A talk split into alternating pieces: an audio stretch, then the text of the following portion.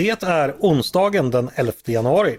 Jag heter Andreas Eriksson och du lyssnar på Ledarredaktionen. En podd från Svenska Dagbladet.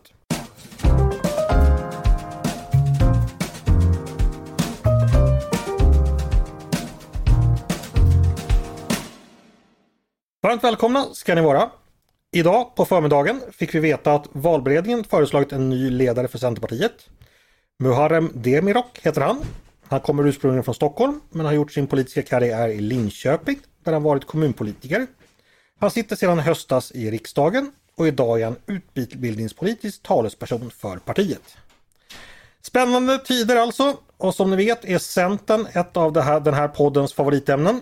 Partiet som ständigt verkar fascinera och jäcka oss alla. Med mig för, för, att få ordning på det här senaste har jag två gäster. De heter Hanna Wagenius och Christian Ljungblad. Varmt välkomna båda två. Tack så mycket. Hanna, eh, tidigare förbundsordförande för SUF, numera kommunpolitiker i Östersund. Stämmer det? Jajamän. Och Christian, du har arbetat som tjänsteman i partiet. Bland annat var du stabschef i åtta år hos den nu avgående partiledaren Annie Lööf. Numera är du konsult på Paus Åberg. Välkommen du också. Tack så mycket. Eh, ja, vi drar väl igång direkt. Eh, Hanna, hur förvånad var du över valberedningens förslag? Jag var inte jätteförvånad. Det fanns ju liksom bara tre att välja mellan så att säga. Eh, och jag tycker att eh, Murre absolut är den som har gjort det stabilaste intrycket under den här processen. Så var inte jätteförvånad. Mm. Christian, delar du den eh, bedömningen? Ja, när de presenterar de här så får jag nog säga att jag trodde det skulle bli Murre till slut. Um, och nu inte minst med tanke på vad som har hänt. Jag tror att det skulle bli lite mycket interna konvulsioner av de andra två kandidaterna faktiskt. Um, så då var Murre kvar så att säga. Mm, vi ska återkomma till det. Eh, bara en fråga först. Är det säkert att det blir Muharrem eh, Demirok nu? Eller kommer någon annan kandidat dyka upp från ingenstans och konkurrera tror ni? Är det, är det ens möjligt, tänkbart? Jag skulle bli väldigt förvånad om det dök mm. upp någon mer nu. Nej, mm. så gör man inte i Centerpartiet. Det kan man göra om man är väldigt, väldigt missnöjd förstås, men eh, det tror jag inte att människor är i partiet med valet av Murre. Mm. Hanna, varför tror du att valberedningen slutgiltigt fastnade för honom? Jag tror nog kanske inte att man hade tänkt sig det från början, om jag ska vara helt ärlig. Men eh, jag tycker att han från dag ett egentligen är den som har gjort ett väldigt bra, stabilt intryck när det kommer till eh, presentera sig själv, bara en sån sak. Han har svarat bra på frågor, han kan liksom tänka på plats, han behöver inte ha allting förberett, han kan skjuta lite från höften men han känns samtidigt väldigt grundad i det som är våra värderingar. Eh, jag tror att det helt enkelt handlar om att han har störst stöd ute i landet och jag tror att det är många som har liksom fått upp ögonen för det. Han har ju varit ordförande för kommunala sektionen hos oss väldigt länge och eh, det gör väl sitt till. Han är ju liksom poppis bland fotfolket. Mm. Jag tror också, förutom just det som Hanna tar upp, att han faktiskt har presterat väldigt bra. Så här, självklart i utfrågningar, presskonferenser, intervjuer på ett sätt mm. som jag ändå är lite förvånad över. För han har trots allt inte rikspolitiska erfarenheten med sig i bagaget. Man har varit väldigt självklar i dem. Sen så finns det en annan sak till som, har, som är jätteviktigt i partiet och det är ju att hans eh, kontaktnät, alltså kom, kommunförankringen och hur trevlig han är. Eh, han är alltid vänlig. Mm. Jag mm. tror inte jag har hört någon i partiet som ogillar Murre. Liksom. Eh, och det är jätteviktigt eh, för Centerpartiet. Viktigare i Centerpartiet än vad det är i väldigt många andra partier, skulle jag säga. Det där Christian du sa om att eh, andra kandidater hade gett upphov till lite eh, oro. Kan du utveckla det? Vad, eh, vad Elisabeth Thand Ringqvist och Daniel Bäckström hade kunnat väcka för, för någonting? Nej, men jag tror så här, båda två är väldigt duktiga, dugliga politiker, bra människor rakt igenom och så vidare. Men Daniels uttalanden där kring Pride och hbtq-frågor och så eh, skulle gjort att vissa människor skulle varit obekväma med det. Eh, vi har sett SUF eh, ute idag och säger att de är till och med tveksamma till vice ordförandeposten. Och sen när det gäller Elisabeth så det var nog lite mycket Stockholm, eh, vilket jag tror eh, på många håll i landsbygdscentern, om man får kalla det det, eh, skulle varit svårt att köpa helt enkelt. Eh, och då blev Murre den som fanns kvar, förutom då att han har presterat bäst under turnén. Håller du med Hanna om att övriga kandidater hade en del som talade emot sig? Ja, det får man ju säga, särskilt nu med facit i hand. Jag kan bara instämma i Christians analys där. Life is made up of many gorgeous moments. Cherish them all, big and small, with Blue Nile. Whether it's for yourself or a loved one, Blue Nile's unrivaled selection of expertly crafted fine jewelry and statement pieces help make all your moments sparkle. Blue Nile's experts are on hand to guide you, and their diamond guarantee ensures you get the highest quality at the best price. Celebrate a life well lived in the most radiant way and save up to 30% at BlueNile.com. That's BlueNile.com. ska bara förklara kort för, för lyssnarna då att vad som hände var ju att Daniel Bäckström i samband med den här eh, gemensamma turnén som partiledarkandidaterna är ute på fick frågan ifall han kunde tänka sig gå i Pride-tåget eh, och eh, viga samkönade par. Och då så, så eh, han svajade lite där helt enkelt. Han vill inte svara direkt när det gällde samkönade par. Så det upplevdes då som, som att han inte var helt grundad med partiet där. Och idag har, precis som Christian har sagt, eh, SUF gått ut och sagt att man helt enkelt inte har förtroende för honom som andra eller som första vice partiledare. Eh, så här skrev Reka Tolnaj på Twitter idag att Centerpartiet är ett parti som ska stå upp för liberala värderingar, alla människors lika värde och hbtq-rättigheter. Daniels syn på hbtq-frågor gör honom omöjlig för oss som en första vice partiledare. Eh, Hanna, vad, vad, vad betyder det? Bara ett litet stickspår men ändå. Ja, det är en bra fråga. Jag har ju inte sett CUF lansera någon annan vicekandidat. Eh, jag har ju också hört Daniel liksom backa någorlunda i det här och, och säga själv att han står bakom Centerpartiets politik i de här frågorna och det hoppas jag verkligen att han gör också. Eh, men eh, det kanske är väldigt viktigt för, för CUFs medlemmar att göra den här markeringen. Jag vet inte, men då ska man också fråga sig, har de då förtroende för honom som gruppledare i riksdagen? Eh, jag vet inte riktigt hur de har tänkt vidare på det. Mm. Vi lämnar det. Eh, hur är Muharrem Demirok som person? Ni säger att han, han, är snäll och vänlig och omtyckt av alla. Kan, eh, Christian, kan du fylla på lite? Är han den som liksom är social och kan snacka med alla, oblyg och så vidare? Ja, absolut, visst är det så. Um, sen så är han en en liten oro jag kan ha inför det här och det är egentligen oavsett vem av de här tre som skulle bli vald, det är att det kommer bli lite för mysigt och introvert i partiet en tid framöver. Hela, mm. hela turnén har ju egentligen varit en intern kampanj eh, av alla tre, vilket har varit rimligt. Man har velat sitta och man har betonat mycket att man ska lyssna på medlemmar, åka runt i bygdegårdar, man ska ta tillbaka en avdelningsstruktur som Maud avskaffade i början av sin partiledarkarriär. Liksom. Det har varit en stor fråga i den här kampanjen. Det är lite underligt. Det kommer man inte vilja så, vinna så mycket väljare på. Jag tror man måste ta, ja, växla över från den här förståeliga internterapin som man har haft under hösten. Eh, ha lite till internterapi, det behöver partiet, men sen också ha ett fokus mot väljarna. Mm. Eh, det kommer vara jättesvårt, man kommer inte vilja vinna väljare på att man återinför avdelningen i partiet. Det mm. kommer inte att ske så att säga. Förstår. Eh, Hanna, kan du ge oss lite mer kött på benen om just Demirok som person? Vad, vad, vad präglar honom mer? Skulle du säga? Nej, men alltså, han är ju verkligen murre med hela Centerpartiet. Det tror jag att man ska ha ganska klart för sig. Som Christian sa, jag har inte hört någon som har sagt ett ont ord om honom som person.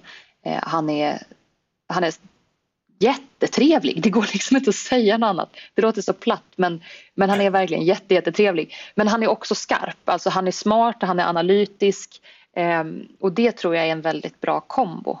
Eh, jag tror ju att partiet kommer att ägna sig en del åt lite introvert navelpillande höll jag på att säga. Men jag tror också att vi behöver det därför att ska vi bygga en stark organisation vilket jag tror behövs för att vi ska kunna nå väljare framöver, då måste vi också ha lite internfokus och kika på vad är det som har funkat, vad är det som inte har funkat under den här eh, mandatperioden och den här valrörelsen. Eh, mm. Jag sitter med i eftervalsanalysgruppen så jag hoppas att vi får skicka med lite skarpa inspel till det kommande VUt här. Vi ska snart prata politik, jag lovar, men jag ska dröja lite vid det personliga först. Eh, på partistämman, eller vad är det ni kallar det? Är det riksting mm. eller vad? Alltså, Eh, partistämma. Var, var, var, var, hittar vi Murre då någonstans på kvällen? Är han på dansgolvet? Är han i, i, ute och röker eller står han i baren? Eller... Vad säger du Christian? jag skulle vilja säga i baren och snacka runt med folk. Ja. Eh, mer än dansgolvet. Um, och se till att, ja, folk kommer fram till honom, han kommer fram till andra och så vidare. Det är mycket snacka runt helt enkelt. Mm. Och han känner alla, låter det som. Ja, i princip skulle jag säga det. Och framförallt så känner alla Murre. Mm. Vad har han för svaga sidor, Hanna?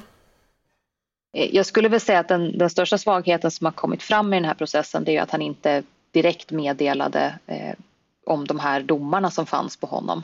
Eh, jag har samtidigt jättestor förståelse för att det är någonting som är privat och väldigt, väldigt jobbigt och skamfyllt. Ehm, det, det, förstår man ju, men eh, det var väl liksom det tråkiga. Eh, sen har han ju inte någon större erfarenhet av just rikspolitiken på det sättet. Det är klart att han har ju suttit med i partistyrelsen, han har suttit med i verkställande utskottet. Han är ju liksom ingen duvunge i de här sammanhangen. Men han är ny som riksdagsledamot. Så att, att sätta sig in i de processerna, det kommer förmodligen att ta en liten stund. Men eh, jag har ganska stort förtroende för att han kommer att klara av det också. Mm.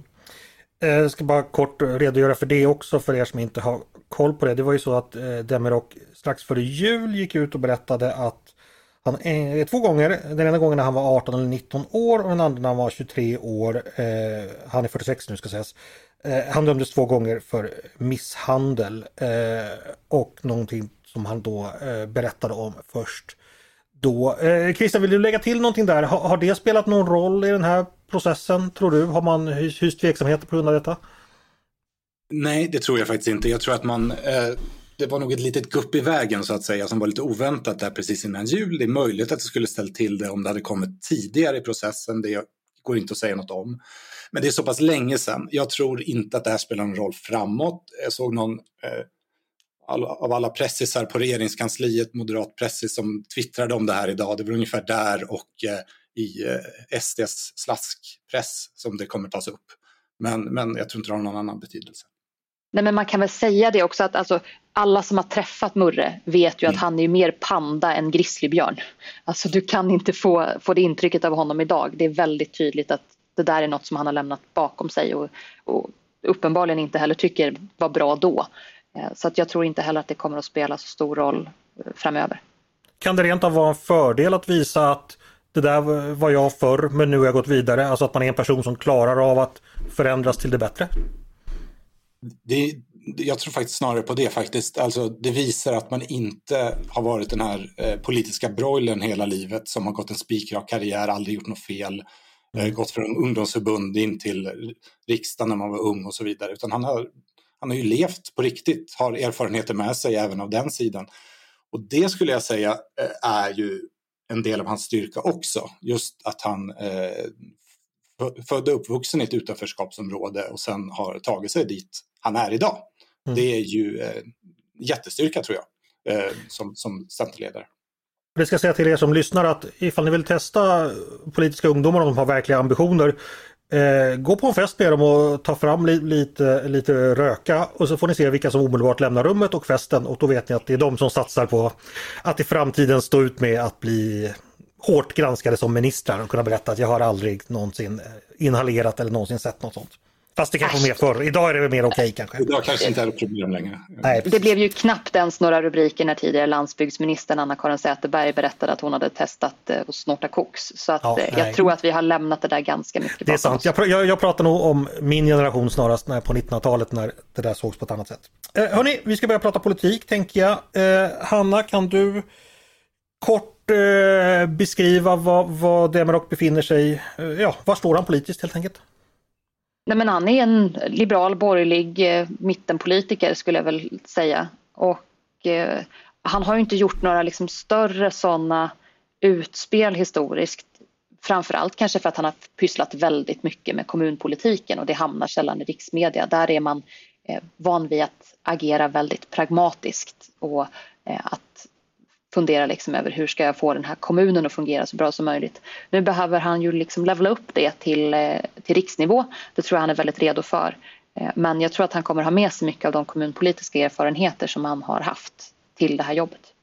Mm. Ett litet tillägg där också. Eh, som jag skulle vilja betona det är att han har ett väldigt starkt socialt patos.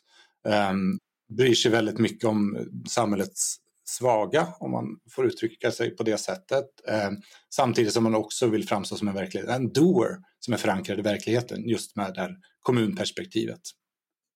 Har han tagit några interna strider eller har han varit på, så att säga, på oppositionssidan någon gång på partikongresser eller i, i den interna debatten, vad ni minns? Anna? Jag kan inte komma ihåg det, eh, men jag vet ju att eh, han gärna vill att vi flyttar oss lite i frågan om, om skolorna.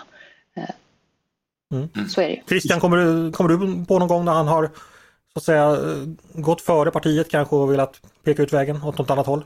Det, ja, det finns ju två typer av politiker. De ena är ju de som springer ut och sätter ut en påle och sen argumenterar för den och tar strid och så vidare och förflyttar partiet i den riktningen på det sättet. Den andra typen är ju att man gör det via samtal i den där baren som vi pratade om tidigare eller eh, lägger en snäll motion som man ser till att flytta lite stegvis och sen helt plötsligt så, så är partiet vid den där pålen ändå. Mm. Och han, Murre är ju mer den kategorin. Och det innebär ju också att jag inte heller kommer ihåg att han har frontat eller fronderat mot partiledningen vid något tillfälle på det sättet. Han har ju varit en del av partiledningen i ett antal mm. år nu genom att ha suttit i VU eh, också, ska man vara medveten om. Mm. Christian, du som jobbade nära hans företrädare, vad är den största politiska skillnaden mellan Löv och Demirok skulle du säga? Ja, jag tror delvis, alltså den stora politiska skillnaden kanske är eh, alltså bakgrunden. Annie eh, kommer ju från en väldigt klassisk center-landsbygdsbakgrund egentligen. Hon är född och uppvuxen på en gård. Murre är född och uppvuxen i Vårby gård istället. Eh, det är eh,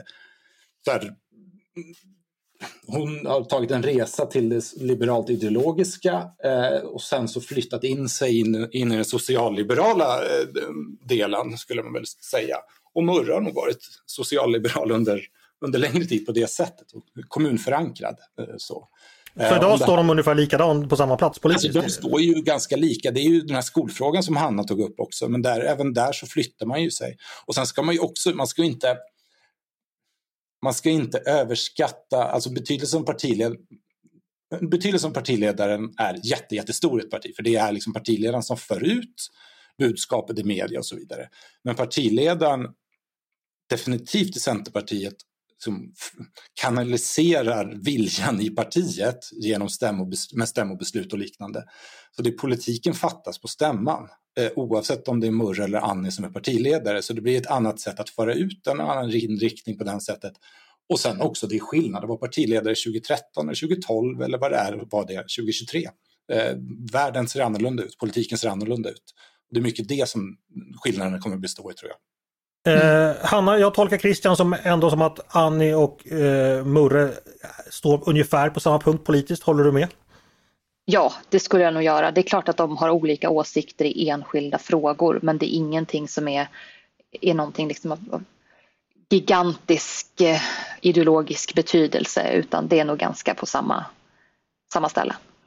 Demirok fick ju chansen på dagens eh, presskonferens att prata lite själv också. För det var ju några frågor där han lyfte där han tyckte att partiet eh, citat då hamnat i bakvattnet och det han nämnde först då var trygghet.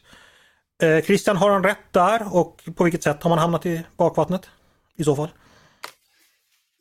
Ja, det kan han ha. Däremot så är jag inte säker på att det är en vinnarfråga för Centerpartiet att satsa stenhårt på framåt, utan det är väl en eh, det har ju varit och är en defensiv fråga för partiet att klara av eh, på många sätt och vis. Nu, som, nu tar jag tillfället i akt att vara gammal gubbe så att säga när jag har, inte har någon post längre. Så. Men eh, jag kommer ihåg Annis jultal 2015.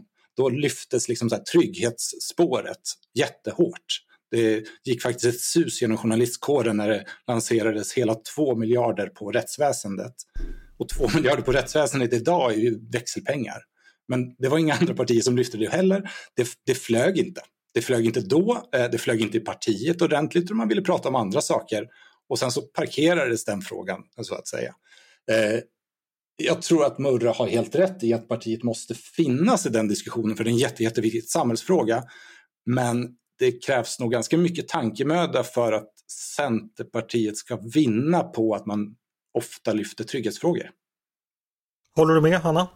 Jag tänker att det kommer att bero väldigt mycket på hur man gör det och vilka de trygghetsfrågorna är.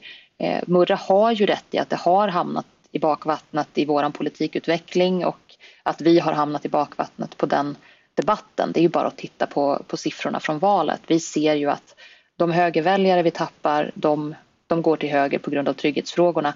De väljare som går till vänster tappar vi mycket på grund av sjukvård, miljöfrågor. Det är också trygghetsfrågor på sitt sätt. Liksom. Så att jag ser väldigt mycket fram emot vad Murra har för, för tankar på det här området. Vad det är vi kan lyfta fram och göra bra och utveckla vettig politik för. Därför att min misstanke är att vi kommer att se nu en regering som lovar väldigt mycket på det här området. De har väldigt ambitiösa åtgärder på gång som de säger det här kommer att hjälpa. Eh, men man kommer absolut inte att se någon omedelbar effekt. Eh, man kommer inte se en effekt på två år, man kommer inte se en effekt på fyra år. Utan det dröjer längre än så. Eh, och jag tror att det betyder att trygghetsdebatten kan bli Eh, bredare, den kan bli djupare och den kan bli lite smartare framöver. Och då tror jag det är jätteviktigt att Centerpartiet också utvecklar sin politik där och kan delta på ett bra sätt. Ryan Reynolds här från Mint Mobile. Med priset på nästan allt som går upp under inflationen, trodde vi att vi skulle bring våra priser down. So to help us, we brought in a reverse auctioneer, which is apparently a thing. Mint Mobile unlimited premium wireless. Ready to get 30, 30, bit to get 30, bit to get 20, 20, 20, bit to get 20, 20, bit to get 15, 15, 15, 15 just 15 bucks a month. So, Give it a try at mintmobile.com/switch. slash $45 up front for 3 months plus taxes and fees. Promo for new customers for limited time. Unlimited more than 40 gigabytes per month slows. Full terms at mintmobile.com. En annan fråga som lyftes eh, av eh, Murre då det var ju skolan och då sa han att partiet var med hans ord då på fel plats. Eh, jag förstod själv inte exakt vad det var han var ute efter men han menade då alltså att partiet för ofta landat i att bara prata om, om vinstuttag och han ville då flytta partiets position där som han sa. Christian, vart tror du han vill flytta positionen i skolfrågan någonstans? Mm, nej men eh, det har ju skett en rörelse kring friskolorna både i Centerpartiet och den allmänna debatten. Det var väl bara igår eller om det var förrgår där Vänsterpartiet och Liberalerna stod i Aktuellstudion och tävlade om vem som var mest friskolekritisk, uppfattar jag det som. Ehm, och den politikutvecklingen som har skett i Centerpartiet kommer ju Murre vilja fortsätta med. Och det skulle jag nog säga att det kommer bli, inte minst med tanke på det också föreslagna VUT eh, som valberedningen också föreslog. Madeleine Jakobsson där eh, drev på för olika reformer. Och det är så att jag är helt säker på att Centerpartiet kommer fortsätta gilla friskolor jättemycket. Men man kommer vilja göra vissa reformer på så här, se till så att skolor på landsbygden kan få bättre resurser och lite sådana saker. Eh, sen exakt vad det där landar i, det tror jag är väldigt svårt att säga. Uh, det handlar rätt mycket om hur man säger det snarare än vad man föreslår uh, ofta. Okej, okay. Hanna, vad tror du? Ja, alltså är man kommunpolitiker då har man ju liksom en ska man säga, första parkettplats att titta på. Hur fungerar egentligen systemet som vi har idag när det kommer till skolorna? Eh, och det är väldigt många eh, kommunpolitiker som egentligen konstaterar att vi betalar mer än vad vi får för de här friskolorna. Eh, man behöver göra någonting med det systemet. Och det tror jag att Murre är ganska sugen på att ta tag i. Samtidigt så är det ju som Christian är inne på otroligt viktigt för centerpartister runt om i Sverige att det inte drabbar byskolorna som ofta är friskolor. Utan att det fortfarande finns möjlighet att, bedriva de skolorna framöver. Eh, så att det där är ju ett, ett policyområde som det blir spännande att se vad vi lyckas liksom verka fram för faktisk politik på. Eh, det, men där, vi kan ju säga liksom att Centerpartiet och dess väljare tycker lite olika i de frågorna. Så är det ju. Mm. Jag anar ju en viss eh, försiktighet här när ni, ni trampar runt det här ämnet. Vad det handlar om konkret, tror jag, det är ju då att stora skolkoncerner eh, som gör stora vinster, där, vin, där vinsten är så att säga ett incitament som har skapat den här situationen. Vilket skapar en viss eh, snedvridning eh, bland skolorna och det här är ju någonting som man upptäckt ganska brett genom borgerligheten skulle jag säga inklusive den här poddredaktören som inte alls förstod den här problematiken för fem år sedan men idag både kan se den och hålla med kritiken. Eh, handlar det konkret om att Centerpartiet kanske svänger i vinstfrågan. Vad, vad tror du Christian? Är det där, ditåt det barkar? Det finns ju skalor i den här frågan. Jag tror det är därför, precis som i så väldigt många andra frågor. eh, det finns ju redan, eh, Hanna du får gärna fylla på här, men jag, Centerpartiet har redan förslag om vissa begränsningar. Att man inte ska få dela ut eh, obegränsad mängd pengar till sina ägare och liknande. Precis som Eh, den nuvarande regeringen också har skrivit in i sitt Tidöavtal att man ska vara på det sättet. Eh, Moderaterna fattade sådana beslut på sin stämma för ett par år sedan också. Eh, så det är ju så här, där är vi ju redan i politiken. Sen tror inte jag att Centerpartiet kommer stå på barrikaderna för att liksom, gå till attack mot vinsterna, för det är inte det som folk är intresserade av generellt, utan det är ju trista talepunkten om kvalitet och liknande. Eh, så. Mm. Mm. Okej. Okay. Ja, Hanna, hade du något att tillägga? Nej, men jag tror att det finns ju också väldigt mycket mer att titta på när det kommer till skolorna eh, som är, är, viktigt att ta tag i. Men ta exempelvis frågan som kommer om betygsinflationen och eh, hur rättvist sätts betygen mellan olika skolor. Eh, det var en del av januariavtalet att man skulle införa en central rättning av de nationella proven. Det har vi inte sett på plats än. Eh, men det skulle kunna vara ett verktyg för att kunna jämföra liksom skolor. Sköter de sig i den här frågan eller inte? Eh, så jag tror att det finns ett batteri med åtgärder som man skulle kunna lägga fram eh, som politik som inte bara handlar om vinsterna. Men sanningen är ju att ska vi ha friskolor måste vi ha någon typ av vinst som är tillåten. Däremot kanske vi inte ska ha vilken, vilken möjlighet som helst. Vi vill ju inte att folk ska tömma skolorna på pengar, dra utomlands och fästa upp det som ska gå till barnens utbildning. Det känns ju skitviktigt eh, att få på plats och det tror jag också som Christian är inne på, det finns en stor enighet om inom svensk politik. Mm.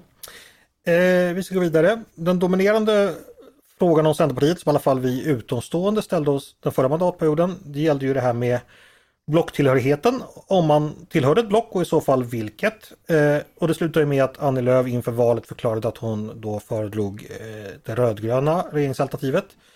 Christian Tore Demirok också kommer hamna där eller hur? Eh, vart är han på väg eller vart vill han där tror du? Ja, det är 10 000 kronors frågan som både jag och partiet och eh, Murre kommer få fundera ganska mycket på skulle jag säga. Ni har haft ganska lång tid på att fundera redan. Exakt, men det kan hända mycket tills nästa val också beroende på vad som händer i den här regeringen och den konstellationen så att säga. Sen vet jag inte om jag håller med om din beskrivning med att eh, Annie föredrog de rödgröna. Om man lägger in Sverigedemokraterna i perspektivet så blir det en annan sak naturligtvis och det var väl det som var hennes svar. Jag tror... Jo men Sverigedemokraterna ingår ju, det borgerliga blocket har ju Sverigedemokraterna som stödparti numera så det var ju, ja, exakt. det var ju utifrån det. Ja, jag förstår. Jag tänker att den här interna terapin som eh, ska fortgå ett tag kommer behöva eh, diskutera detta eh, naturligtvis.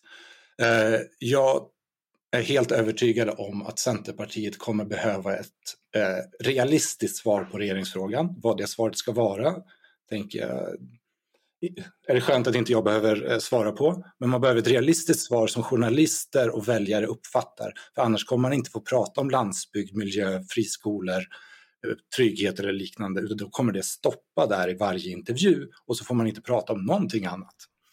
Um, och det ska uppfattas som realistiskt av tillräckligt många människor. Helt enkelt. Uh, om det blir... då, då, är, då, då är jag så elak så jag ställer frågan, hade din tidigare chef Annie Lööf inte ett realistiskt svar på den frågan? inför valet 2022? Jo, det hade hon när hon eh, förespråkade Magdalena Andersson istället för Ulf Kristersson. Innan dess så uppfattade inte journalistkåren och väljarkåren det som realistiskt. Eh, Hanna, vad tänker du om det här vägvalet? Eh, kommer man behöva välja block och i så fall vad kommer Demirok att vilja dra partiet åt? Jag tror att det kommer bero väldigt mycket på hur den här mandatperioden utvecklar sig. Eh, vi har ju fått se ett resultat av de förhandlingar som har varit mellan våra forna alliansvänner och eh, Sverigedemokraterna. Det har inte varit särskilt poppis egentligen varken bland allmänheten men, men framförallt inte bland Centerpartiets varken medlemmar eller väljare. Ehm, vi kan ju konstatera att våra väljare håller med oss väldigt mycket om att vi ska inte samarbeta med Sverigedemokraterna. Det finns liksom inte något, något utrymme för det och jag tror att många av de som i partiet ändå har, det finns ju några stycken som har förespråkat att ska vi inte haka på något sånt. Eh, de har ju fått lite facit på vad som händer om man gör det och kunnat konstatera att det blir inga bra reformer. Ehm, så jag tror att den frågan är nog ganska död för tillfället. Däremot så kommer ju Murre behöva vara väldigt tydlig med vad det är som krävs för att vi ska ge en, en eventuell socialdemokratisk statsminister vårt stöd. Och det handlar ju om sakpolitik. Det måste alltid handla om vilka reformer kan vi leverera för Sverige som gör Sverige bättre för alla dess invånare. Ehm, så att jag får ju tyvärr hålla med Christian om att det var ju så att vi fick inte prata om den sakpolitiken innan vi lämnade ett besked i regeringsfrågan senast. Ehm, och det beskedet tycker jag ju då personligen kanske kunde ha varit lite mer knutet till just sakfrågor men ehm, vi fick i alla fall börja prata om dem på slutet och såg att vi ökade opinionen. Så enkelt är det. Men betyder det här att ni föreslår att Demrock ganska snabbt bestämmer sig i regeringsfrågan för att därefter kunna vara begriplig inför väljare och politik. Förstår jag rätt då? Alltså jag tror inte att regeringsfrågan kommer att vara så himla mycket en fråga de, det närmsta året om det inte är så att den här regeringen faller, vilket mycket väl kan hända i och för sig. Eh, men jag har inte uppfattat att det finns någon rörelse inom Centerpartiet nu som säger att vi ska göra en omprövning av, av hur vi står, utan vi står väl där vi står nu, just nu. Då tolkar jag det så att man står kvar då vid att det är det socialdemokratiska regeringsalternativet som är aktuellt men att man bör finslipa den sakpolitik som man vill få ut av det helt enkelt. Eh, är det rätt uppfattat? Förstod jag det rätt då Hanna? Ja. Det är, det är så att säga rådet, eller det är där vi, åt det hållet det går just nu så att säga. Ja men absolut och, och frågar du mig så var ju vårt stora strategiska misstag under föregående mandatperiod att vi lämnade januariavtalet. Vi hade ju lika gärna kunnat skita i det när Liberalerna bestämde sig för att köra på andra flyern. Eh, och för jag menar sossarna behövde oss mer då än vad de behövde oss innan. Hade vi kunnat fortsätta med det då hade vi också kunnat fortsätta visa väljarna att det här får man när man röstar på Centerpartiet. Man vet att man kommer att få det hela vägen. Nu har vi lite av ett förtroende att återuppbygga på när det kommer till just uthålligheten. Men eh, jag uppfattar Murre som en uthållig kille så jag tror att det kan bli bra. Ja, för att fylla på där, för jag tror Hanna är inne på något väldigt, väldigt viktigt där. Alltså, med, det, det fanns inte ett realistiskt svar mellan någon gång juni eh, när januariavtalet föll i det, 2021 och eh, augusti 2022. Då fanns det inte ett realistiskt alternativ. Då tappade också Centerpartiet eh, kontinuerligt hela tiden från 9-10 procent ner mot 5 procent. Ner, ner mm. 5 När Annie sen hade ett alternativ som tillräckligt många människor uppfattade som realistiskt så slapp hon de frågorna av journalisterna och partiet ökade i opinionen. Det tycker jag är en jätteviktig slutsats av förra mandatperioden. Mm. Eh, vi ska snart runda av. Jag tänkte bara fråga lite om det här med eh, eh tiden framåt. Eh, vi pratar om att det kanske blir lite ytterligare intern terapi och att man ska fundera över sakpolitik. Men världen knackar ju på. Eh, Centerpartiet tappade ju ungefär 2% i det senaste valet. Och efter valet har man tappat då eh, lite ytterligare en dryg procent. Hur hårt kommer, tror ni Demirok kommer att pressas av att få upp partiet i opinionen? Eller hur länge kommer man vara okej okay med dagens siffror så länge liksom terapin på, pågår? Vad, vad, tror du Hanna, kommer det någon gång, ifall man ligger kvar på 5,5 procent eller vad det är nu, eh, om ett år, är det ett problem för honom då tror du? Nej, det tror jag inte att det är, även om jag hoppas och kommer att arbeta för att vi ska ligga högre om ett år. Eh, utan jag tror att man, man ser nog att vi kommer att behöva fokusera en del internt framöver. Det ger, som Christian har varit inne på, inte särskilt många röster. Eh, men sen måste det naturligtvis börja ge resultat i att vi, även om vi inte ser ökade opinionssiffror på en gång, åtminstone får känslan av att ja, men nu är organisationen med. Vi har en politik som vi tror på, vi har ett tänk kring kommunikation, kring organisation som gör att vi känner att vi kommer stå stadigt i nästa valrörelse och kunna göra den riktigt bra. Eh, det är där någonstans som som man måste landa och det är det som är det viktigaste uppdraget för Murre framöver. Mm. Vad tror du Christian om den frågan att eh, eventuellt fortsätta som uppfattas då låga siffror? När börjar det bli besvärande? På den här nivån så eh, tycker jag inte man ska vara orolig. Eh, så Det är inte historiskt sett om man tittar de senaste två decennierna speciellt låga siffror eh, faktiskt ändå.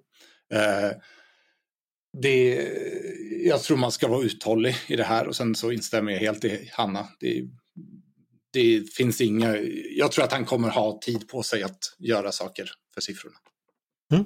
En sista fråga. Eh, kommer Muharrem eh, Demirok vara Centerns partiledare i valrörelsen 2026? Och hur dyr flaska är ni beredd att sätta på ert svar där? Hanna först. Gud, jag som precis har liksom börjat dricka lite vin ibland någon gång. eh, jag tror absolut att han är det 2026. Välj någonting som finns på systemet som liksom inte är någon magnumflaska så kör vi på det. Nej, jag, jag, jag sätter inte emot i det här fallet. Eh, men Christian, ifall jag skulle göra det, vad, hur mycket är du beredd, vad, vad, tror du och hur mycket är du beredd att sätta på ditt svar? Jag håller helt med, han kommer vara partiledare 2026. Eh, får hitta något, något trevligt vin från någon bra vingård i Champagne så fixar vi det. Nej, ska det inte vara egen svenskproducerat vin när det är Centerpartiet? Och då pratar vi höga priser kan jag säga, det är inte billigt att köpa svenskt vin. En pet nat nere från Skåne någonstans, det blir jättebra. Mm. Hörni, eh, stort tack för det Hanna Wagenius och Christian Ljungblad för att ni kom och gästade podden idag. Stort tack! Tack så mycket! Och tack till er som har lyssnat också på Ledarredaktionen, en podd från Svenska Dagbladet. Ni är varmt välkomna att höra av er till mig och redaktionen med tankar och synpunkter på det vi precis har diskuterat eller om ni har idéer och förslag på det vi ska ta upp i framtiden. Kanske vill ni också pröva lyckan med vadslagning får vi se vad jag säger. Eh, oavsett vad man vill så är det bara att mejla till ledarsidan snabel svd.se. Dagens som vanligt duktiga producent, han heter Jesper Sandström. Jag heter som vanligt, hur duktig jag är vet jag inte, men jag heter i alla fall Andreas Eriksson och jag hoppas att vi hörs igen snart.